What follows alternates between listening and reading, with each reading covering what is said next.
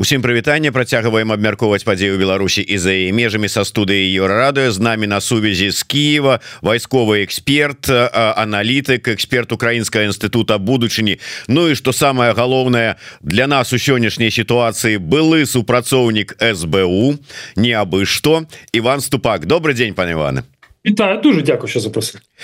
Ну что ж спадар Иван сёння вы будете нам отказывать я говорят ответите нам за ўсё СБУ ГРУ і все астатнія знешние знешнія выведки усяго свету давайте пачнем с короткага відэо вы уже мне прабачьте что я вас буду катаваць як скажете вы ж тут босс я ж да, ну, но, но выбачайте нават босс когда вот робіць что-нибудь не вельмі прыемное а я вам буду показывать видео лукашенко ведаете там я спадзяюся что там вы там как бы яшчэ не обедали тому калі ласка все ж таки уключите нам гэтае видео еще один извините факт не запугивания для вас из сегодняшнего то что мне доложили утром только сегодня задержали несколько диверсантов на украинской границе С помощью дронов по болотам некоторые из украинских граждан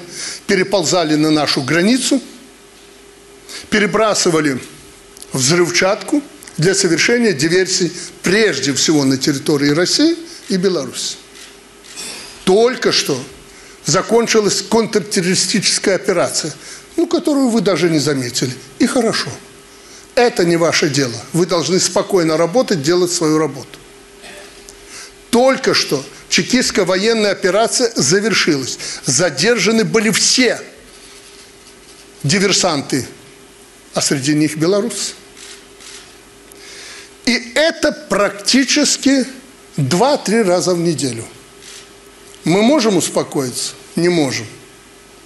И нам, и мне как президенту, и власти, прежде всего, очень важна поддержка и монолит – всех нас и нашего народа. Но мы руководители, от нас все зависит. Ну вось і скажите мне спадар Иван навошта вот чаму вот гэтым вашим украінскім спецслужбам Ну не сядзіцца спокойно мы ж мирный народ как там в гімне мы мирные люди там все все этыя справы А вы нам розных дыверсантаў по два-тры разы на тыдзень с дронами с выбухоўкой і все праз границу вот все это Ну как так можно ну Господи кошмар у вас там коїться на території Білорусі. Дивіться. А, по-перше ну я від себе відмічу трішечки офтоп. Господи яка радянщина? Це просто караул. Чека, чекістська операція. Це це з часів не знаю там 40-х років 50-х чекіськ військова чекістська операція. ЧК це ж та організація яка вбивала свій народ. Неважливо то були білоруси українці росіян вбивала казахів узбеків всіх. Вони нищили вони вбивали розстрілювали. Ну а Лукашенко ось вихваляє чекістська операція. Це важливо підмітити. Це настільки радянщина що просто караул Тепер дивіться, ну про два-три рази на тиждень, можливо, це в нього там особисте життя два-три рази на тиждень було ну, за, за часів його бурної молодості. Поставимо таке собі питання: а нащо Україні закидати два-три рази на тиждень вибухівку диверсантів на територію Республіки Білорусь? Нащо Україні зараз взагалі від слова зовсім не потрібна напружувати стосунки з режимом е, Лукашенки, через що у нас є надзвичайно великий фронт. У нас е, Тисячу кілометрів фронт з Російською Федерацією, починаючи від півдня, закінчуючи північем. І якщо ми ще будемо робити якесь напруження на білорусько-українському кордоні або якісь там пробувати акції робити, то це взагалі розв'язує руки Лукашенко і може початися ще додаткове вторгнення в Україну у нас ресурсів для того, щоб стримувати ще звідти вторгнення, немає. Тому я знаю, я впевнений, не впевнений, знаю, що наша влада ухвалила таке рішення. Ми не напружуємо стосунки з Білорусю. Ми залишаємо такий собі статус-кво. Ми не поляризуємо, не накачуємо. І Для того щоб не отримати незворотні там якісь там обстав... ситуації, якісь м, речі, що призведуть до погіршення ситуації на фронті. Тому для нас це невигідно. І от останнє таке, от на тему Білорусі. Коли кажуть, от я пам'ятаю, декілька тижнів тому затримували теж якихось диверсантів, які хотіли, начебто, вбивати білоруських високопосадовців та білоруських журналістів. Я тоді в коментарі одному з ем, опозиційних білоруських видань сказав, що якщо ви приїдете в Київ.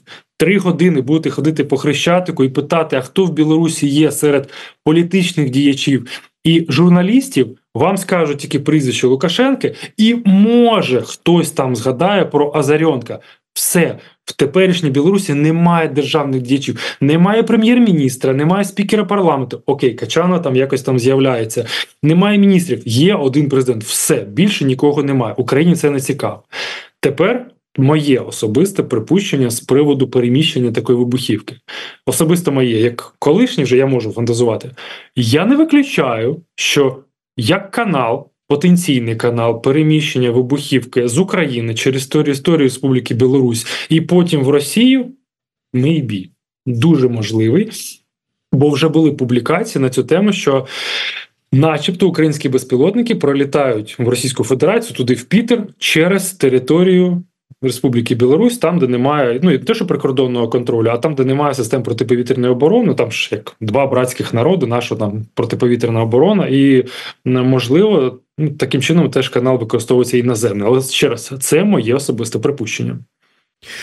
Ну я адразу по ходу. Вот вы сказали выйти там по хрышчатику походить пытаться кого ведаюць з беларускіх там палітыкаў журналістаў Ну па-першае для мяне вот вельмі крыўдна что там прыгадаюць толькі аднаго азаронку а лукашука не прыгадаюць. Ну да ладно. Не мы кажемо з дыктатарскай не не не. я я жартую я жартую Іван я жартую. Але мы так кажем да сярод э, звычайных украінцаў так і будзе. Як і сярод звычайных беларусаў Мачыма там хтосьці там зеленскага хтосьці залужнага Ну хтосьці арестовича можа прыгадае і ўсё хутчэй за ўсё. Але ж мы кажам про спецслужбы. Спецслужбы то яны ведаюць імёны. Ну нам немає різону взагалі. Тобто, ще раз, якщо фантазуємо, окей, наприклад, умовний пан Буданов, керівник нашої військової розвідки, сидів і вирішив, а давай ми підірвемо Азаренка. Ну там фантазуємо, давай. От в машині вбили, підірвали його. То це ж до яких наслідків призведе? Ну буде зрозуміло, що це зробила Україна. Це створить суспільну напругу в Білорусі. Як як не крути, нам якась частина населення скаже, що ж там таке происходит в Україні, давайте відпор воєнщині. Нам це не потрібно. Це навпаки буде сковувати наші сили на кордоні Республіки Білорусь. Нам це не потрібно. Так, ми пам'ятаємо, откуда готовилось наступлення на Київську область. Ми пам'ятаємо, ми не забули. Коли закінчиться війна, ми повернемося до цього питання. Але зараз для нас статус-кво, ось таке заморожування ситуації на кордоні найбільш сприятливий, найбільш цікаве і вигідніше, ніж отримати якусь. Там не знаю, військову операцію або стягнення білоруських військ до кордону України. Нам це не потрібно взагалі. Ну бачыце вы кажаце потым прыгадаем адкуль там нападение готовилось там. Знаете это вы просто не не может быть пропустили не бачылі інтэрв'ю с галоўным беларускім дикпік палітыкам і лідарам парты ЛДП гайдукевичам які вот гледзячы нам усім у вочы говорю какое нападение? Ніхто з Беларусі не нападал. Это ўсё вам придумывают вливают в уши это вот ваши западные вообще это ляльково заводы Так что знаете так вот усе будуць глядзець на вас такими вочками и казаць какое нападение? Не было ничего Ну я вам прямо скажу давайте ще раз хто з ваших глядачів можливо засумнівався або забув на території Київської області е, заходили війська з території Республіки Білорусь через Олександрівку. Вільча Олександрівка пункт пропуску і там заходили і рухалися. Тому ще раз ну режим Лукашенка надавав повне сприяння. Окей військових ми не бачили. Хоча Хоча перші загиблі білоруси вже є е, на території України серед колишніх військових. Це було десь два місяці тому в Херсонській області. Наші військові знайшли, ну опублікували вперше, хоча раніше були такі випадки. Військовий квиток запа офіцеру запасу е, білоруських збройних сил. Тобто людина приїхала воювати прямо своїм квитком військовим і отримала, ну знайшла смерть на території України. Вы кажаце навошта ўсё ж таки правакаваць там Беларусь закидывать. Ну скажем пакінем за там что не ў Беларусі готовілася нейкіе там дыверсіі і тэракты але праз Беларусь можна цішком прабрацца куды-нибудь у Россию каб там у глыбіні России зрабіць дыверсію Ось так я ж до це казав, що два варіанти. Перший це щось вбивати, когось вбивати в Білорусі. Нам це не цікаво. Але як канал переміщення для того, що Лукашенко так і сказав. В першу чергу це Росія, а потім Україну Білорусі там якісь теракти.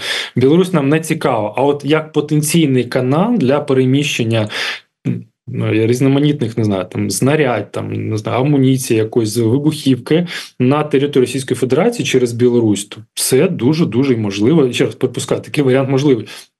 Я з чого навів приклад про безпілотники, які летіли на територію Господи, Біло Санкт-Петербурзького цього НПЗ е, Услуга, то вони по переднім даним летіли саме через територію, ну, окремо через територію Республіки Білорусь, тому я не виключаю іноземний шлях, іноземний маршрут.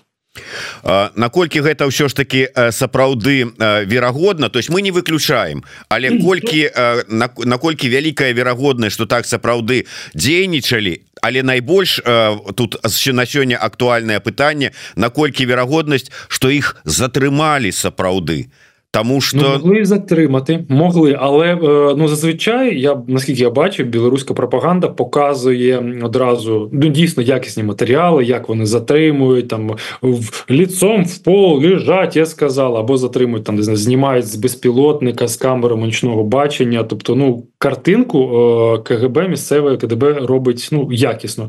Зараз, окрім заяв Лукашенка, ну принаймні в якихось там не знаю, в моїй інформаційній стрічці я не побачу. Ну це при цьому при тому, що ми ж не можемо дивитися е, білоруське відео в Україні, бо воно ж заблоковано тільки через VPN. Я так не можу зайти подивитися якесь пропагандистське відео.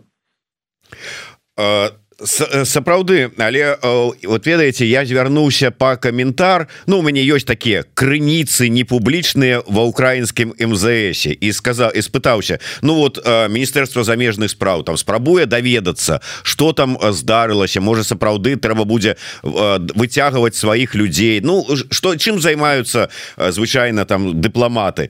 І мне сказали ведаеш мы ўжо апошнім часам ніяк не рэагуем і не каментуем хлусню лукашэнкі бо ўсё чтоб ён не сказаў датычна Украіны но это на 98 адсоткаў это хлусня і прыдумки сапраўды так можа мы з вами дарэмна зараз вот чарговую там стендап абмяркоўваем ні, ну да, так ми повинні реагувати, бо ну як не крути, який би він не був е, стендапер-коміком, який би не не був він там не знаю, адіозною особистістю, він є диктатором. Ми повинні ну не прислухатися, а аналізувати те, що говорить. Так, дійсно, треба мати спроможності відкидати так, це зайве, це сміття, це не читаємо, це дивимося і аналізуємо. Я припускаю варіант, що коли такі затримання відбуваються, то Білорусь не є суб'єктом обміну. Е, Я впевнений відсотків на 97, що такі випадки, ну люди, українці, наприклад, що вони затримані, вони передаються до російського ФСБ, і потім вже каналами обміну військові полонені російські, які в Україні під час війни були там взяті в полон, вони міняються на наших полонених. Плюс можливо припускаю ще раз на тих людей, які були затримані в Білорусі. Тобто з Білорусю суб'єктно мінятися не будемо. Вось вы сказали про тое что вот лукашенко так часам агучвае робіць такія гучныя заявы пра затрыманні мы не один раз сутыкаліся з тым что ну такое адчуванне что лукашенко по ходу нешта прыдумаў нешта ляпнуў а потым спецслужбы ну каб подцвердзіць яго словы як кажуць заднім числом кагосьці затрымліваюць нейкія справы прыдумваюць. І э, наколькі верагодна что зараз ну лукашенко ж сказал перед целыми там собранием с этим. Белкооп союза. Потребка операция такая вот. Ну перед гандлярами колбасами и салом. А, вот перад кім яшчэ ему про такі на такія темы говорить? Яны зараз кинуться затрымліваць якіх-нибудь Ну я не ведаю а, у кого есть грамадзянство украинское.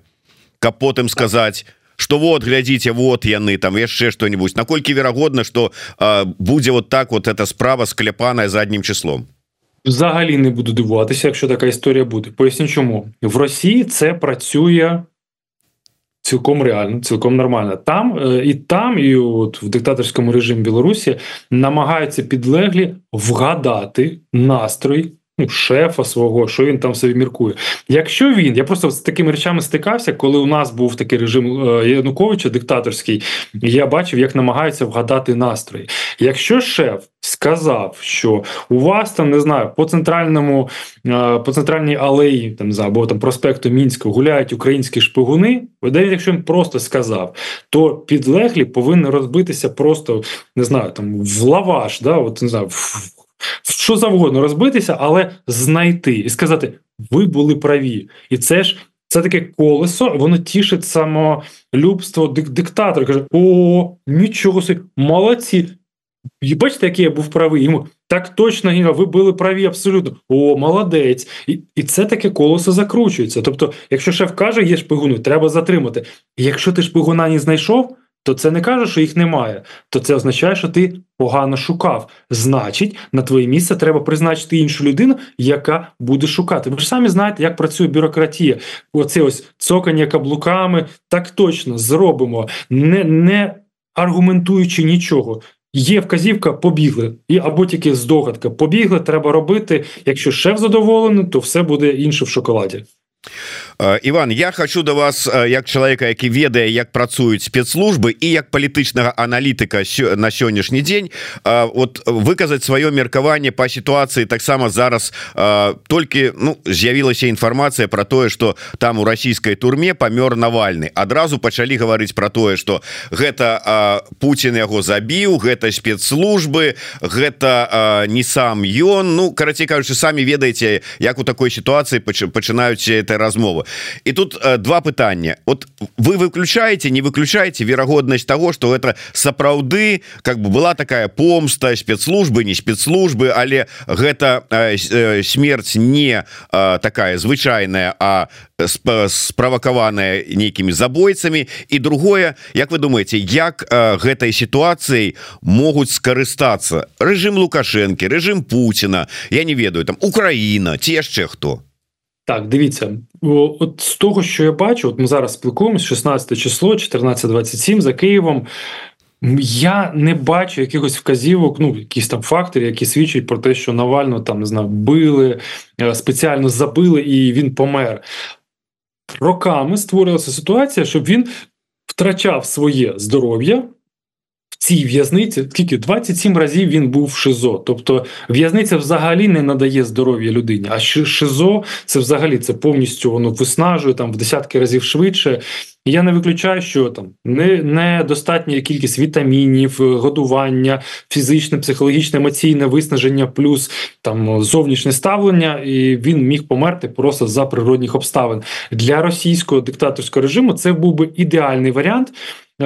Ми нічого, от подивіться, він просто помер. Я кажу, там в нього тромб відірвався. На підтвердження цієї тези, згадайте, будь ласка, коли в Чорному морі в минулому році росіяни знищили е, американський е, безпілотник, здається, Ріпер був він там летів.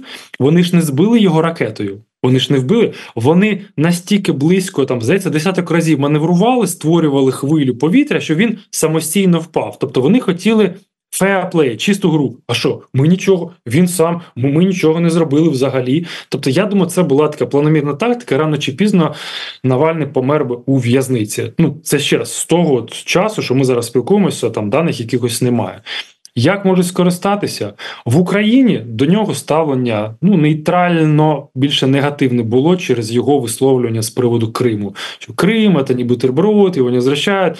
Це запам'ятали. Ніхто не буде тут. Ем, Йорнічать каже, а так тобі і надо. Ну, взагалі такого не буде. Українці пропустять між рядками, помер, був, казав бутерброд, Крим, все згадувати не будуть.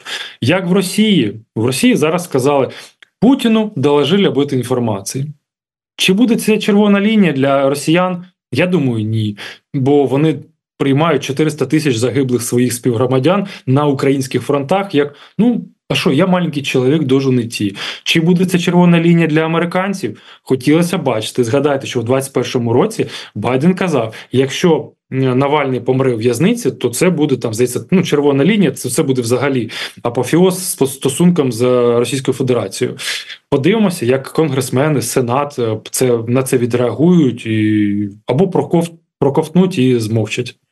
Ну але глядзіце як пагляжу зараз чтоб дзе не адбылося ў Росіі адразу кажуць это украінскі след это где-то там СБУ ГРУ там ці яшчэ якія-небудзь невядома хто але украінцы так і тут зараз скажуць каб байдена а не это самое не, не зловать. Это українці можуть може сказати але секундочку ну ну давайте так можна сказати все от е, в Росії ціни на на це на господі на молоко підскочили то все Байден винуватий там не знаю картоплі немає то все Байден винуватий або Буданов з малюком е, з нашим головним контррозвідником все з'їли і в Росії нічого не приїхав можна сказати але зрозуміло що він був у в'язниці. Це у ФСН управління управління виповнення управління наказання Російської Федерації е, українських спецслужб там немає. Можна звинувачувати, можна там якісь там не знаю, там е, російські ці ось псевдопатріоти, ну, не псевдо, якісь там знаю, політичні діячі, там Марков або там Мілонов, хто завгодно може звинувачувати Україну. Ну нам на це начхати. Тому головне цікаво мені на реакцію просто західних країн, як це допоможе нам отримати більше озброєння через смерть пана Навального. Ну щире співчуття родині його як людину дуже шкода, що режим закатував, але як політик, то там окреме ставлення, окрема розмова на годину. Дарэчы вось цікавую за увагу робіць наш глядач глядачка под нікам Паўлінка. І сапраўды я просто нагадаю что першая інфармацыя про учорашнюю гэтую там типа там контртэрарыстычную аперацыю з'явілася такая аб'ява на сайте КДБ Беларусі. Пасля гэта у сябе заўваж это заўважылі размясцілі не незалежныя сМ і толькі к обеду прачнуліся ўсе этыя лукашэнкаўскія белта і ўсе астатнія але Паўлінка піша учора за падзеямі затрымання ДРГ назірала ўся краіна у можна сказаць у онлайн рэжыме спачатку вылету верталётаў тэлефанавання ў госструктуры і гэтак далей а ДРГ сядзела і чакала калі іх затрымаюць Це ж може бути один з тих випадків, коли як нашим ЗС сказав, да, що ми заморилися вже цей слухати розказні Лукашенка. Може бути, ну ще раз, це ж може бути робота КДБшників, показати, що ми ж працюємо. Ми ми тут кожного дня когось затримуємо два-три рази на тиждень. Е, як у нас був там дві-три неділі, так у вас тут ну Білорусі два-три рази на тиждень може бути така сама історія. Чим більше ти показуєш активної діяльності, тим більше ти маєш приводів для того, щоб приходити в кабінет Лукашенка, показувати, тим більше підстав потім отримати не знаю, чергове якесь військове звання. Ну, є не знаю, є чи є в Білорусі генерал армії. Ну швидше за все є. Генерал армії можна отримати, можна іконостас орденів отримати, можливо, отримати якісь преференції у вигляді. Ось тобі, наприклад, не знаю, там умовний кар'єр, там щось там руду добуваєш, це твій кар'єр працює. Ну мож, можливо, так. Да? От там певний чиновник може отримати певну ренту за гарну роботу, а роботу треба показати. Е, ну тут е, сапраўды. Е, мы казалі про чырвоныя лініі А давайте вот про ўсё ж таки паглядзім на якія могуць быць перайдзеныя чырвоныя лініі лукашэнкаўскім рэжымам мы з вами уже гэтую тэму абмяркоўвалі але чым далей тым больш ідзе загружаюцца беларускія прадпрыемствы з заказамі от расійска ВПК і не толькі ВПК у тры смены вот у нас быў эканаміст які аналізуе гэтую всю сітуацыю тры смены шмат такія заводы працуюць тыя якія ўжо паміралі ляжалі на кажуць на ладан дыхалі mm. зараз подняліся за на заказах інтэграл той же самый это сам і вот тое что так так актыўна падтрымліваюць дапамагаюць расійскаму акупанту вот ну куды уже чырвоней лінія можа быть можа і сапраўды там пора якім-нибудь не не конечно не пачаць там войну с Беларусю а шугануть там дрончыкам якім-небудзь вот куды-небудзь так по важному об'екту це питання це питання дійсно бо Росія використовує територію Республіки Білорусі у якості такого safe haven, безпечна хмаринка, що ніхто тут нічого зробити не зможе з українців. Бо це буде пряма війна, і дійсно для нас таки зараз таке роздоріжжя. Е, багато підприємств теоретично ми до них можемо дотягнутися до цих виробництв, до цих складів. Наші безпілотники зможуть знищити, але ну знову ж таки, що буде на заміну після цього? Яка буде напружена ситуація? Що це призведе ну на фронті. А, Тому зараз вирішена така історія, що ми будемо знищувати нафтопереробні підприємства Російської Федерації, Усть-Луга, Новоросійська, то все, от ми туди працюємо. Чи буде це червона лінія для європейців? Маю на увазі от участь режиму Лукашенко у забезпеченні війни. Я навіть не знаю, що вони ще можуть зробити. Ну, санкції введені, е, співпраця там якась закрита. Ну, можливо, якісь додаткові не знаю, банківські санкції. Важко сказати, що ще можна зробити, щоб якось натиснути на режим. Але з іншої сторони, у режиму немає виходу. Він повністю інтегрований з Російською Федерацією. Помре Путін, ну не знаю, помре і режим швидше за все. Я вот трошку вярнуся да іншага что вот вы кажаце может быть спецслужбам Украины там і не трэба не той навальны там не что-нибудь там у Беларусі что-то рабіць слухайте Ну мы ж не можем не давяраць сур'ёзнай інфармацыі про тое что Зеленскі даваў загад забіць Макрона Ну, діч якась, ну, господи, ну Макрон приїде, давайте заб'ємо його там кийками, всі будемо бити. Ну, ну будь ласка, ну це настільки діч, я навіть дивуюся, що ну хтось може це сприймати. Я ще можу там, знаєте, там е, не знаю, в підвалі у Зеленського лежить там, не знаю, там не знаю, там НЛО. НЛО лежить, і він на ньому там не знаю, літає до Байдена. Ще якось там може ну забити Макрона. Ну, будь ласка, ну ну 21 сторіччя. Ну президент однієї країни приїхав в гості, а ми його заб'ємо. Це, звісно, по-російськи, коли гості прийшли до росіян, випили горілки, і потім один там одного забив ножем. Ну у нас так не працює. Це не Шурік, це ж не наші методи.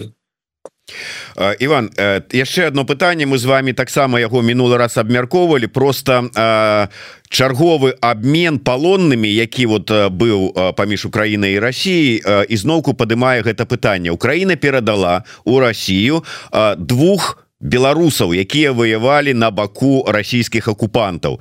Мы ведаем что э, у палоне у расіян знаходзяцца некалькі беларусаў як мінімум два якія былі бойцамі полка каліновска. І до этого часу как бы яны у палоне і няма ніякай інфармацыі вядуцца там нейкія спробы их абмяняць не вядуцца. Вот як это працуе? Вот что можна зрабіць? Кого попросить кому написать каб эта справа зрушилась з мёртвой кропки Ну, дивіться, можливо, я пропускаю, що режим Лукашенка також має на меті, щоб ці полонені, е, ну які знаходяться в Російській Федерації, білоруські патріоти, щоб вони не поїхали в Україну, а їх повернули в Мінськ і там, щоб їх там там 20-25 років ув'язнення дати. Але ж не забувайте, що у України є теж є великий обмінний фонд, і люди, яких би Російська Федерація хотіла повернути. Це на жаль дуже звучить цинічно, але це такий собі стамбульський базар, коли ти торгуєшся. В мене є те, що тебе цікавить, і в тебе є те, що мене цікавить. Ну в мене є, і в тебе є. Давай домовлятися. І ця домовленість може е, торги таки тривати місяць, два. Три і можливо, не те, що можливо, були такі випадки, коли Україна вимінювала в Російській Федерації одного священника Московської церкви, який працював в Україні на майже 45 українських полонених солдатів. Тобто росіяна було важливо забрати. Наприклад, е, Віктора Медведчука, російського цього діяча, який сидів в Україні, ми теж виміняли дуже дуже за цікавим курсом. І ось я думаю, що в Україні теж зберігається. Ну є люди, яких ми можемо обміняти на цих білоруських патріотів, повернути їх в Україну. І я думаю, через це Росія не видає мінську цих людей. Глядзіце Іван выдатны план прапаноўвае глядач ці глядачка под нікам Ася. Даўно трэба было здружыцца з КДБ ну відаць там СБУ ці гуру паабяцаць прыгожага жыцця і дапамагаць ім выконваць планы выцягваць грошы з лукашэнкі а потым і яго цап і заарыштаваць Бояться, давайте так, коли в Республіці Білорусь в 2020 році були ці події, от ну дійсно вони могли стати переламними. Багато людей злякалося. Я ще раз, я не звинувачую в якому разі простих людей. Я розумію їх психологічно. Вони ж ніколи не бачили, як це жити за іншого президента. Ну, секундочку, у нас вже було скільки це п'ять президентів змінилося. Ми знаємо, що та чорт з ним був один, прийде інший. Депутатів парламенту, ми взагалі, ну той то попередній, яка різниця, буде інший. Ми їх взагалі не не рахуємо за щось там, там нібожителі якісь. А ваші громадяни, на жаль, я розумію, вони злякались, ну вони не були впевнені, і ці господі, і чиновники різноманітні не були впевнені в правильності своїх рухів, коли вони там хтось спалював з військових свою форму, викидав на смітник. Я бачив, це був дійсно мужній вчинок, коли кажуть, ми не підтримуємо це. Хтось звільнявся з державної служби, але решта грома, решта посадовців вони трималися свої крісла, бо боялися, не знали, що воно буде, як воно буде. Ну, на жаль, я я розумію психологічно, як це важко. А хто буде іншим, а хто прийде, а можливо буде ще гірше ніж було. Тобто, у вас один президент, ну один диктатор, скільки вже майже 30 років, да? Ну на секундочку. Так. Да ну і на завяршэнне Я ведаю что часу у вас мало але я там в анонсе э, пропісаў что ўсё ж таки абмяркуем ситуацию на фронте. Тому коротко можа быть что э, вы можете сказать? Бо усе мы сочым э, кажуць что стаміліся не стаміліся ад войны вот нават беларусы сачыць але сапраўды цікава і аўдзеўка постоянно на слуху і іншая ситуация. Что вы можете сказать? Давай так. ну давайте щоб не, не дуже довго. Авдіївка важко. Ми залишаємо місто. Ми виходимо з нього. 9 років воно трималося. Останні 4 місяці просто було під шаленою напругою. Щоб ви розуміли, співвідношення наші війська російські 1 до 8. Вісім наступаючих росіян на одного нашого обороняючого. плюс авіація, керовані авіабомби, ці великі півтонні кидаються важко. Виходять з втратами. На жаль, е, я думаю, що до кінця місяця повністю місто буде залишено. Це важливо. Інші напрямки Херсон. Херсон дуже важливо. Херсонський напрямок, що важливо в двох словах. Російська пропаганда і російські оглядачі вони просто в шаленому в лапках захваті від того, що відбувається. Вони кажуть, військові відмовляються йти в наступ на Херсонській області російські через те, що з боку України командує сержант сержант з личками з боку Росії командує генерал-полковник Теплінський, і перевага все одно на стороні українців саме на цьому напрямку. І оце дуже сильно демотивує росіян. Але все іншому це війна, це обстріли, це безпілотники, це балістичні ракети.